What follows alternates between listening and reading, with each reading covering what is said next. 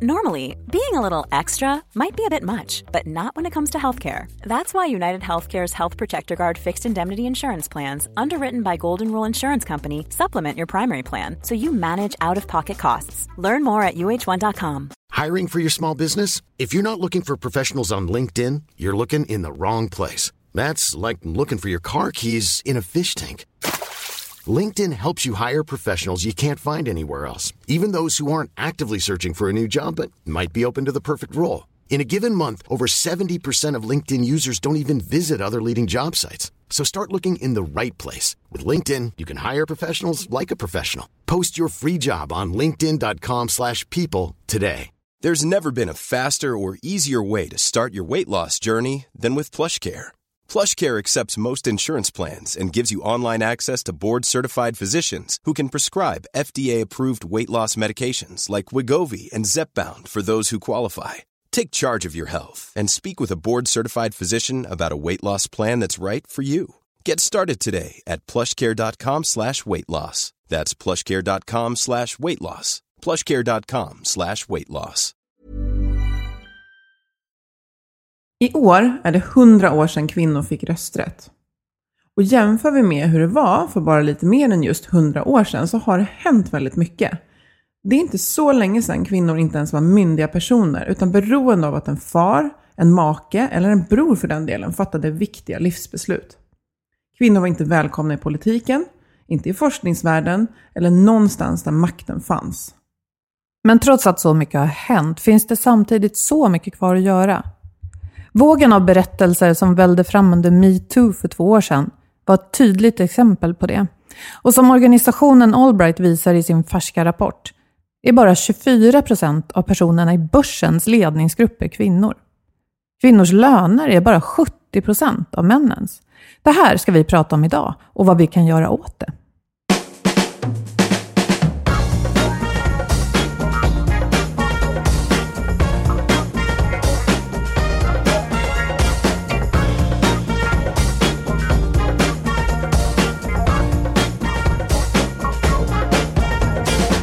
Du lyssnar på Health for Wealth, en podd om hälsa på jobbet.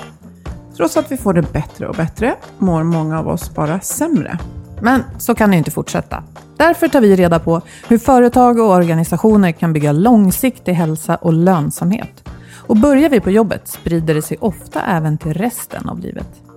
Vi är Ann-Sofie Forsmark. Jag driver företaget Formstark Resiliens. Och Boel Stier, copywriter. Lyssna på oss för nya insikter varje vecka. För dig som är chef, ledare, jobbar med HR eller är medarbetare. Precis. Och eh, vi ska börja med att prata om vår samarbetspartner Twitch Health som har engagerat sig i Mental Health Run. Ja, visst är det ett ganska roligt begrepp? Ja. Hur, hur springer man mentalt? Ja, det Ja. gör man. Det vet både du och jag. Ja, det precis. gör man ju. Det har du alldeles rätt i. Mm. Men just jag tycker att det är, jag samarbetar ju inte med Twitch också och har ju väldigt mycket fokus på att hjärnan ska må bra. Och det här loppet eh, lyfter ju den dimensionen. Allt överskott från loppet går eh, oavkortat till Psykiatrifonden. Och deras uppdrag är att öka kunskap inom hela det psykiatriska och psykologiska fältet. Och för att minska fördomar om psykisk ohälsa. Och det här passar väl med eh, Twitch Healths mission att skapa energi och välbefinnande för individ, företag och samhälle. Deras, eh, sam, inte samarbetare, utan medarbetare, Alexander Ja. Jansson, han, han har bloggat om det här loppet som eh, ägde rum i slutet av september. Precis, och eh, han berättade om att de hade träffat på Tilia, en ideell organisation för ungas psykiska hälsa som vi vet är, eh, det är, inte står så himla bra till med faktiskt på många håll. Och de hade tydligen här tygpåsar där det stod eh, We all carry something. Och eh, de ville möta den grupp unga som står för den ökande ohälsan kopplat till ångest, oro och stress. Och ja, som tyvärr ser vi ju ökar. Och det finns ett glapp idag. Var, var ska man vända sig? Så. Mm. I, I det här förbättringssamhället vi lever i finns inte alltid utrymme att prata om sånt här, som egentligen är en väldigt naturlig del av livet. Och det här, den diskussionen vill ju både Twitch och de som arrangerar det här loppet förstås lyfta. Jag tycker det är jättebra. Och Alexander som bloggar, vi, vi lägger en länk till blogginlägget förstås i inlägget. Och jag vet att eh, Twitch Health är ofta med, de gör ju väldigt mycket inom hälsa, men jag vet att en del som de är väldigt bra på. Det är att hjälpa till med det här just kring lopp. När det lätt kan kännas som att man behöver vara kanske väldigt vältränad. Det ska vara väldigt tuffa lopp. Så är de med och, och roddar kring eh, att deras kunder är med på sådana här lopp. Där man kanske just springer för ett lite högre syfte. Mm, ja, precis. Och det Eller som man skrev var ju det att här gick ju folk och drog barnvagnar och små Mm. snackade och några sprang. Att man gjorde precis som man ville. Det var helt prestigelöst. Mm. Det tycker jag lät härligt. Och så när folk kom i mål så stod eh, folk från Twitch då och eh, masserade alla löpare. Mm. Eller gångare. Ja, bara en sån sak. Härligt. Idag ska vi prata om en annan, skulle jag vilja säga då, mental fråga. För det handlar mycket om attityder och inställningar. Det här Ja. med jämställdhet. Ja, och det här är verkligen, ska vi säga på en gång att det är klart att vi skulle, vi ska, tycker jag, ta in en, en gäst och prata om det här. Men nu kommer vi resonera lite kring det och det här är inte ett expertisområde på något sätt, men vi är båda kvinnor och jag... Ja, jag skulle Ja. säga det. Att det kanske du faktiskt det, det, kanske är vårt expertisområde. För vi har levt som kvinnor några Ja. decennier nu. Alltså Och- förstår vad jag menar? Så, Ja, men verkligen. Så jag tycker det är okej att vi sitter och resonerar kring fakta som finns. Ja, och sen har vi ju faktiskt läst på och lyssnat och reflekterat. Och jag, det kokade ju i mig igår när jag eh, satt och, och liksom researchade på lite extra här. Eh, och vi ska inte, vi kommer ta lite siffror. Vi ska inte, vi ska prata lite siffror för det är viktigt att få grepp om dem. Men får jag fråga dig, Mm. vad var det som gjorde att du kokade? Eh, nej men det var, jo det var något exempel som jag läste där man, ja men som jag egentligen blev påmind om, När man liksom beskriver eh, en, en till exempel ledarskaps... Eh, karaktär och om det, upp, om det framstår som en kvinna då uppfattar man henne som lite bufflig. Och är det en man så uppfattar man det som någon som, men det här är någon som tar för sig. Men också när man hade tittat på just hur eh, barn upplever saker, att man hade beskrivit en, en, en person i någon, någon typ av roll som läkare, eller lite så här mer ja, karriärroll. Och de blev jätteförvånade när det visade sig att den personen man pratade om var en kvinna. Och då tänker jag att vi, vi som du och jag, eh, kan ju säga att ja, men vi är uppväxta med ja, men den här reflektionen jag gjorde att jag bläddrade i en gammal gröngölingsbok och det stod att pojkar gillar att segla. Och det vet man nu att så skriver man inte. Och jag tänker på ett ganska stort företag som bara i sina reklamer ser till att det är en man som städar och sådär, som har jobbat med det. Men det här var en ganska ny undersökning. Det här var ganska små barn som är små nu.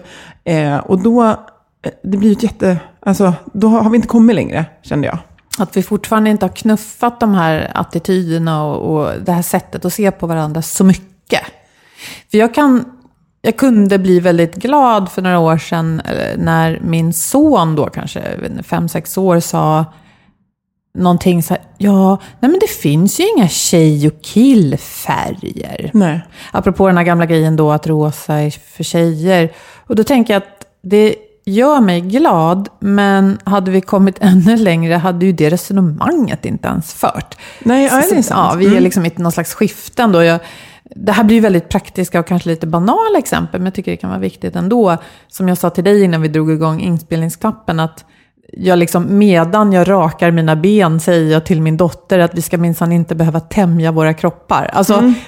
vi är också inne i mönster där vi agerar på ett sätt som stöttar egentligen ett gammalt sätt att vara. Så att vi, vi är fortfarande i skiftet skulle jag säga. Ja, och eh, någonting som jag tänker att vi ska komma till, just att Eh, eh, vi är ju summan av den miljö vi, vi lever i. Så att vi behöver inte, vi ska inte känna oss dåliga för att vi har förutfattade meningar. Och eh, det gäller bara att bli medveten om dem, det ska Ja. vi komma in på. Men jag, ba- bara senast i helgen så blev jag, nu kanske jag läste in mycket i situationen, men var på en, en lite större varuhus. Och det var två väldigt duktiga och kundorienterade tjejer i kassan. Jag hade handlat, stod och väntade på min man. Och det kommer en man som uppenbarligen tycker att, men ni är ju jättekorkade och fattar ingenting och liksom pratar så med dem. Nedlåtande. Ja, och jag eh, sa efteråt att jag är, inte, jag är en sån här som tycker att jag har högt civilkurage. Jag borde gått fram och bara sagt så här, det här, det finns ingen anledning att vara otrevlig. De gör ett helt fantastiskt jobb och har liksom stenkoll på det här och det är faktiskt... Och du tänker att han hade inte vågat eller han hade inte velat vara så otrevlig om det var två unga män. Ja, eller två liksom, här, män som såg ut som han. Som bara, ja men det fattar vem som helst att där är så här, grejer till jakt. Eller vad det nu var. Mm. Ja, men jag... Vad är blir det för varus, tänker jag. Ja, vi Ja, släpper det. mm, mm, precis. Men jo, vi, vi sa det här med att kvinnor bara tjänar 70% av männen. Vi ska utveckla det. Det ser till hela inkomsten under ett år, alltså arbete, kapital, olika ersättningar. Eh, så blir den genomsnittliga inkomsten för kvinnor bara 70% av männen. Och det Mm. är därför att kvinnor oftare än män arbetar deltid, men också ofta är i yrken där man får mindre betalt. Än Ja, män. män, Så så det, det är är en därför. snittsiffra. Det betyder inte att alla kvinnor som är eh, vice vd tjänar 70% av en man som är Nej. vice vd. Och vi ska trycka på att det är olagligt att ge två människor samma. Alltså det är olagligt att göra det. Så. Eh, Mm. I och samma sen, organisation, ja. Ja, precis. Eh, annars hade det varit trevligt att kunna hävda att ja, men någon annan på ett annat företag känner så här, så jag borde få det. Eh, men Allbright-rapporten, att det, förra året så hände det lite grann, men inte så mycket. Utan en, var femte bolag präglas av en jämn könsfördelning. En framgångsfaktor är en kvinna som vd. För att vd-kvinnor tenderar att ehm, eh, utklassa vd-männen när det kommer till ett ledarskap som prioriterar att rekrytera jämställt. Längst har fastighetsbranschen kommit, där det är 49 procent av kvinnor i ledningsgrupper. Och, Heja, eh, heja dem. Heja, och inte så bra går det för bank och finans. Och eh, jag som nyligen har varit i England är, är en etter värre där, tror jag. Men ganska lika, så vi, vi sticker inte ut så mycket. Eh, man ser att nya bolag har lite mer känsla för samtiden. Och att det, ja, de bolagen som kommer in på börsen så eh, hjälper de till med snittet därför att de har mer jämställdhet. Alltså de har 26% kvinnor i ledningsgruppen, men jag tror inte att det var mer än 24 totalt. 24... Inte på, på hela börsen, nej. Nej, precis. nej eh, och, Så det ligger där någonstans en fjärdedel kvinnor i ledningen generellt för börsnoterade bolag, eller? Ja, eh, om man pratar om att led, svenska ledningsgrupper har två åtskilda, det man kallar för reservat. Och att just det att kvinnorna chefar ofta över stabsfunktioner, alltså kanske mer HR och så. Och eh, männen ansvarar för de operativa rollerna. Och det är ofta de som öppnar upp för vidare karriär som vd. Ehm, så, och ehm, det här, här står det också, och det var eh, den kraften till det resonemanget som jag hoppas vi ska prata om idag, det hämtade jag inte därifrån, men det står också i Allbright-rapporten. Att eh, omedvetna fördomar verkar fortfarande spöka i rekryteringarna till linjen. Så. Och sen kommer den här intressanta då, Credit Suisse, som har sett att där det är minst 15% av kvinnor i höga chefspositioner, så har organisationen 50% högre lönsamhet än de organisationerna med lägre än 10% kvinnor i höga chefspositioner. Ja, men det är liksom hälften av begåvningsreserven som vi bara eh, dissar Ja, om vi inte lyfter kvinnor på samma sätt som män. nej. För vi är ju olika alla, men de förmågorna är ju liksom lika väl spridda inom en grupp kvinnor som det är inom en, en grupp män. Jag tänker också apropå det här attityder och hur vi ser på saker. Jag tror att många kan invända då och säga, ja men säg vd-posten eller ekonomichefsposten. Det är ju de som driver bolaget. Det är de som ser till att affärsmålen står liksom främst för allt annat. Okej, HR tar hand om medarbetarna, men ser vi inte till att det rullar in pengar så har ju ingen något jobb. Så kan man säga säga. Och då är ju frågan, är det en könsskillnad i vem som är bäst på det?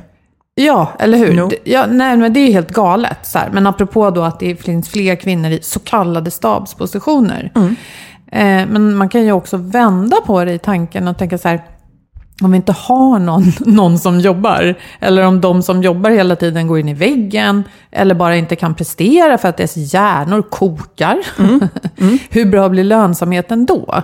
Så då ska man lika gärna kunna säga att vd, ekonomichef, de ska sitta och, och, och serva människorna i organisationen så att Ja. de kan leverera fantastiskt. Och det är, ju, det är ju där, om vi tar, flyttar till bara titta på hur, vilket jag har sagt innan, det här med ledarskapets utveckling. Att det har ju också gått mer ifrån att du kommer in och jag berättar vad du ska göra till att du kommer in och vi ska samskapa ledarskapet. Vad brinner du för Boel? Så att vi, om man skulle vilja karaktärisera le, eh, ledarskapstyper och sättet vi behöver driva organisationer framåt, så kanske man kan säga att det handlar mer om det eh, sättet som vi, vi ser att kvinnor mer leder på. Alltså så här, det pekar lite mot det. Och det här stöts också av en, eh, en fantastisk presentation som, eh, åh, nu kommer jag inte ihåg vad han heter, men han jobbar på organisationen Questback i England. Eh, och det var så, jag önskar att jag hade kunnat liksom visa det han drog, för han gjorde det snyggt med grafer när han visade när jag var i London. I London, mm. I London. Eh, och de har granskat finansbranschen där det då är riktigt illa. Och eh, där såg man att de, de flesta trodde, både män och kvinnor trodde att deras organisationer var meritokratiska. Alltså, här är det inte kön som styr vem som kommer fram. Det är Utan vad, det är vad du gör. Ja, det är vad du gör. Mm. Ehm, och ehm, eh, här pratar ja just det, eh, de hade tittat på tusen medarbetare och, och så fick, frågade man dem då, här får du hjälpa mig för vi pratade om det här innan. Ehm, vi- vilka typer av ledarskaps eh, karaktärsdrag, egenskaper är det som är viktiga här? Ja, så sa man dem.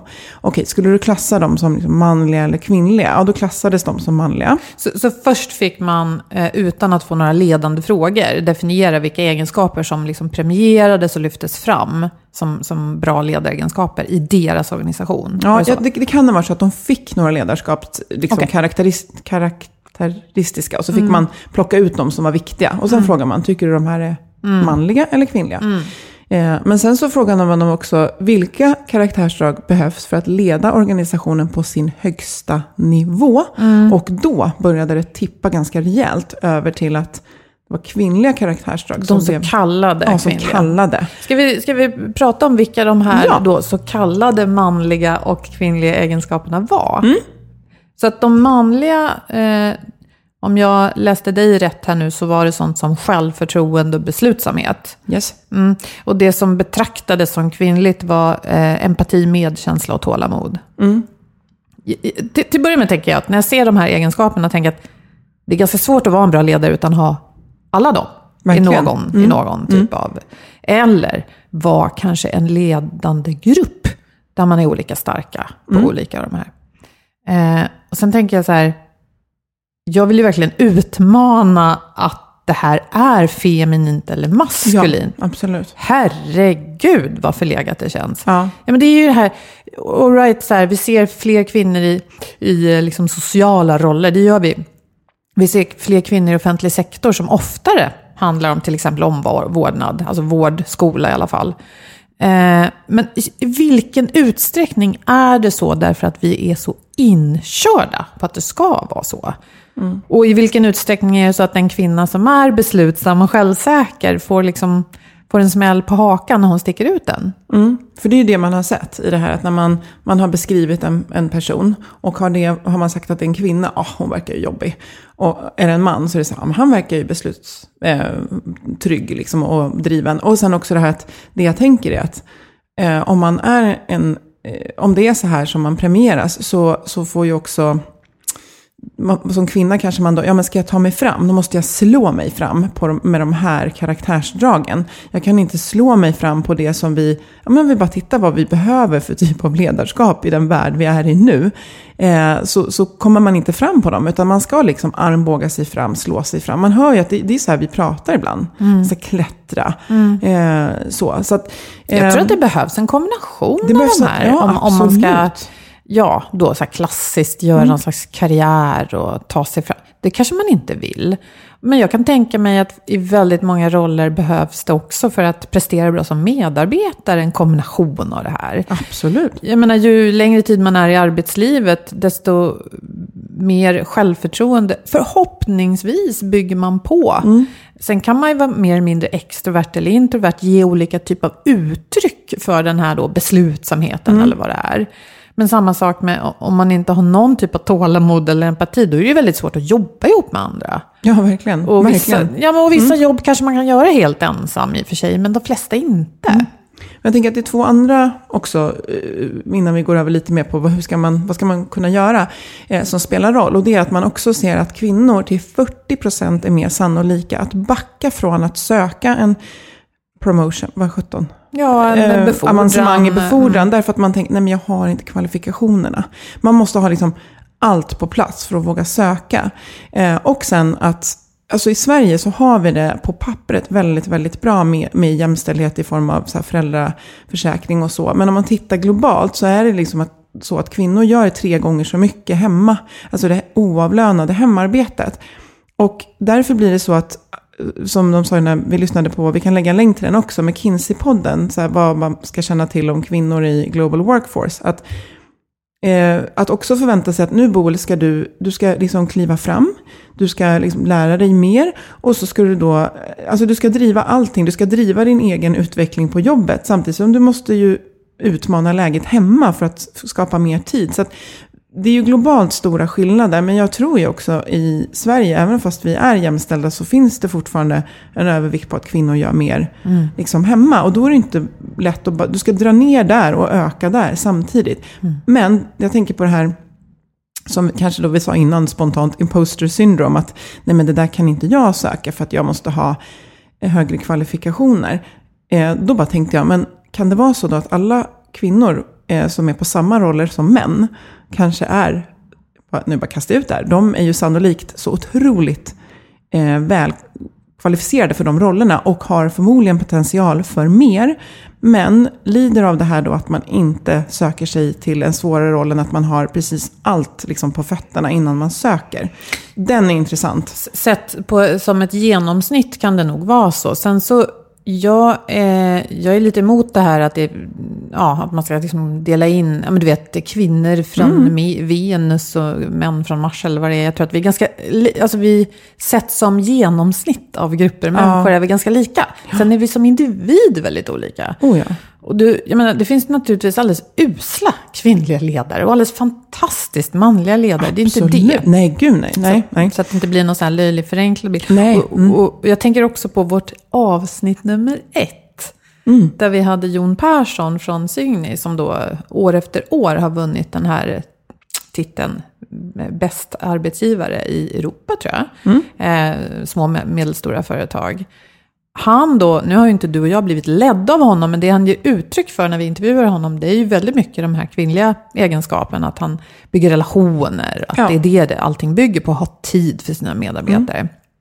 Nej, vi, vi är inte ute efter att smutskatta, utan det som jag tänker att vi skulle kanske komma in på, det var just det här eh, som eh, Emilio Castella, som är en professor på MIT Sloan School of Management, som pratar om meritokratiska paradoxen. Alltså mm. att vi har många seniora ledare av båda könen, men eftersom det är fler män så är det då, som tänker att nej men jag har inte uh, förutfattade meningar. Jag mm. har inte um, omedvetna fördomar, utan jag är meritokratisk. Så, men kanske inte är det, utan är omedveten och genuint brinner för jämställdhet och vill och tror att, eh, att de gör rätt och tror att det inte är hemma hos dem det händer.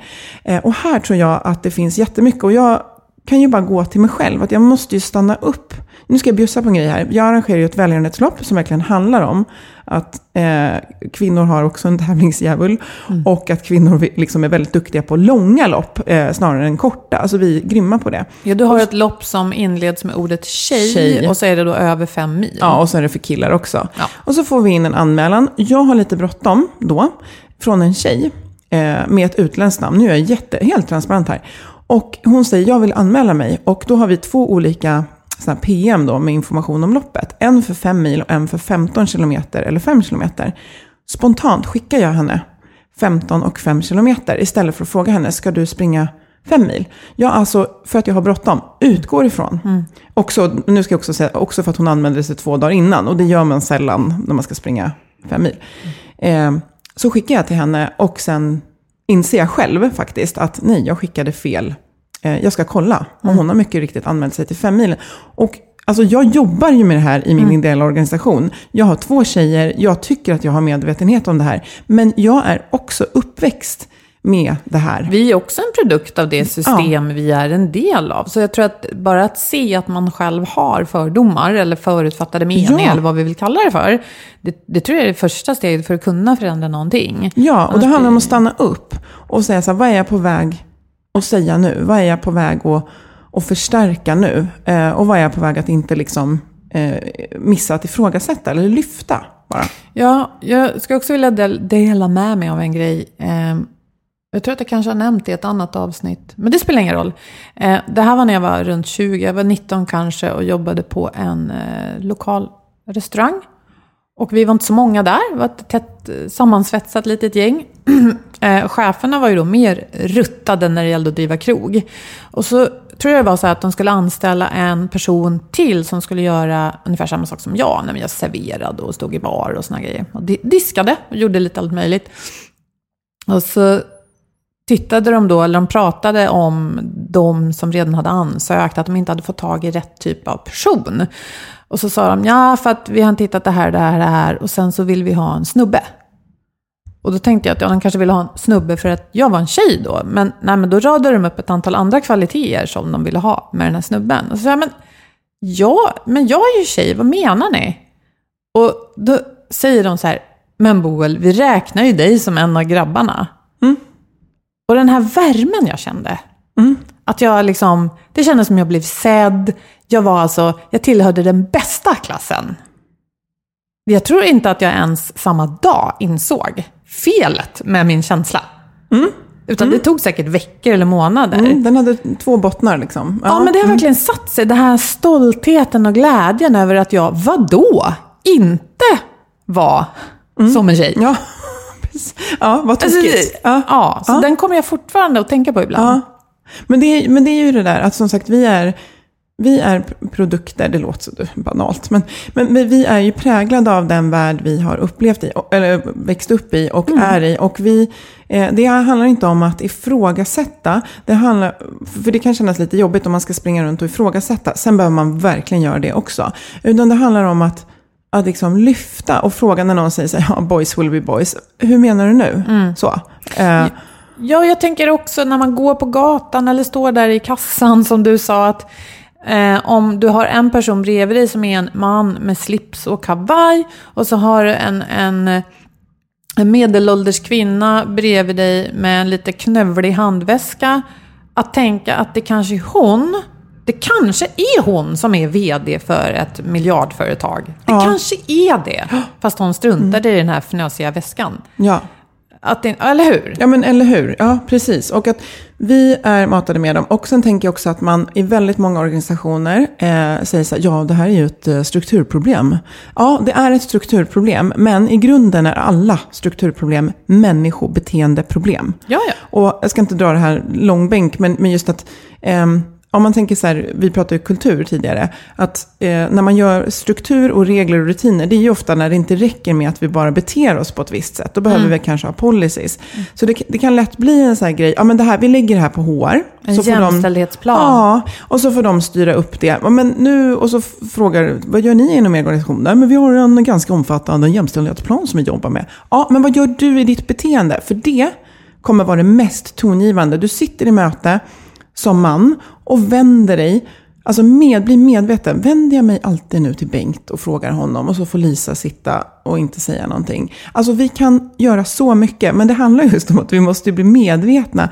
Och att det inte får bli det här att, jaha, nu kände alla att jag vände mig till Lisa bara för att jag ska vara mer jämställd. Och därför tror jag att vi behöver vi kan lägga till jämställdhetsplaner, vi kan, vilket man rekommenderar både från McKinsey och andra, följ data och var transparent med data. Absolut, men i grunden så handlar det om Tror du på riktigt på jämställdhet? Alltså så här, tror jag på riktigt att vi ska ha en att det kan vara en kvinnlig vd här som är lika bra som en man. Alltså vi måste jobba med våra inre lite, så det kan bli lite jobbigt. Mm, absolut. Där tror jag vi måste vara. Vi måste, både män och kvinnor, jobba med våra förutfattade meningar och bara upp med dem på väggen på, i, i, och diskutera och bara vad är det vi går runt och tror är sant. Mm.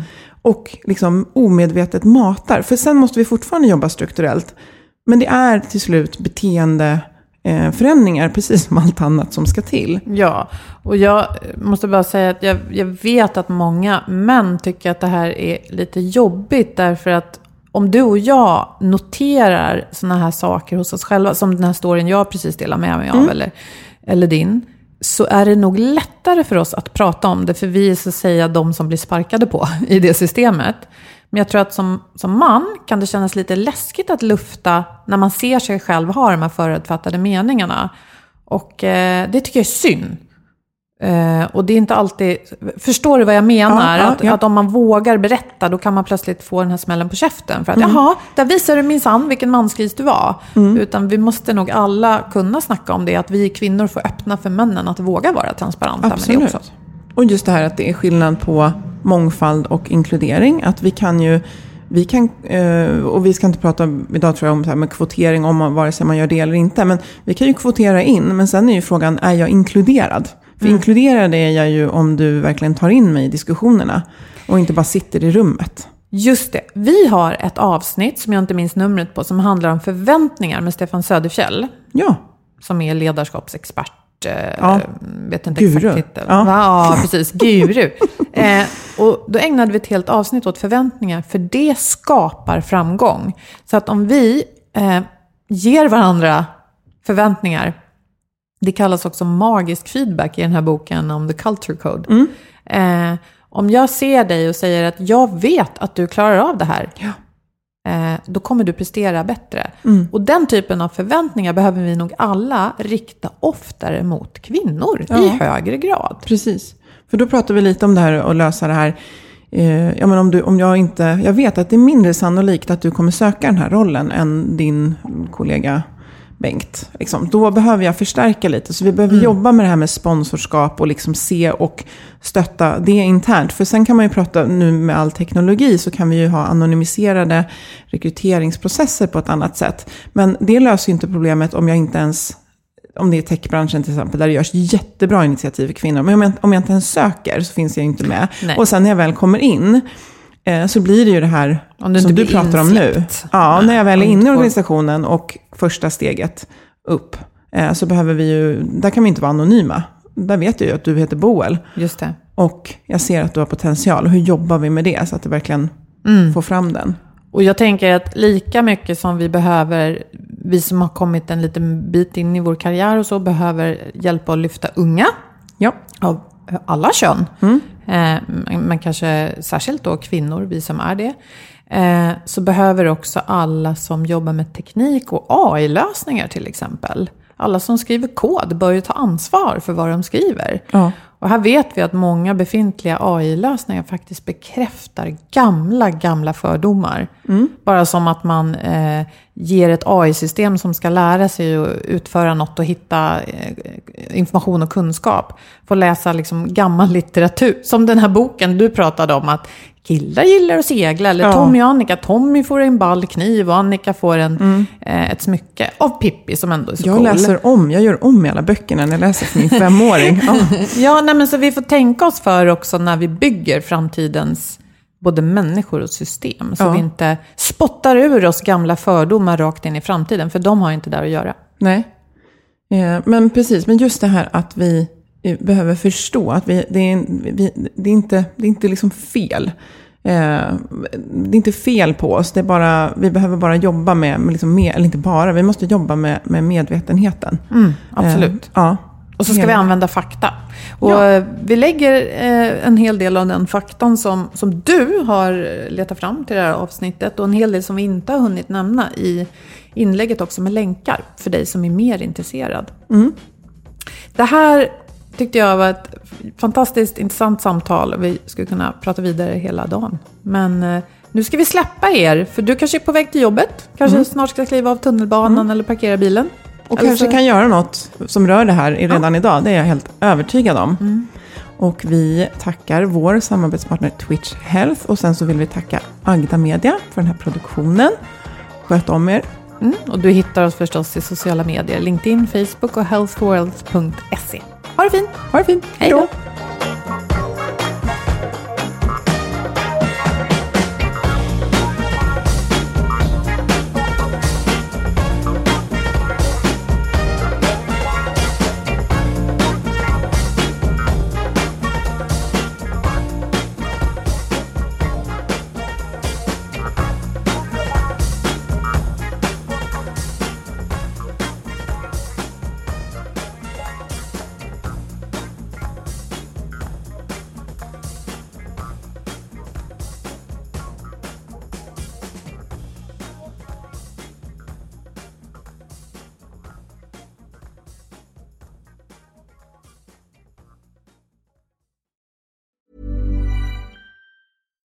Deserves the best, and there's no better place to shop for Mother's Day than Whole Foods Market. They're your destination for unbeatable savings, from premium gifts to show-stopping flowers and irresistible desserts. Start by saving 33% with Prime on all body care and candles. Then get a 15-stem bunch of tulips for just $9.99 each with Prime. Round out Mom's menu with festive rosé, irresistible berry chantilly cake, and more special treats. Come celebrate Mother's Day at Whole Foods Market.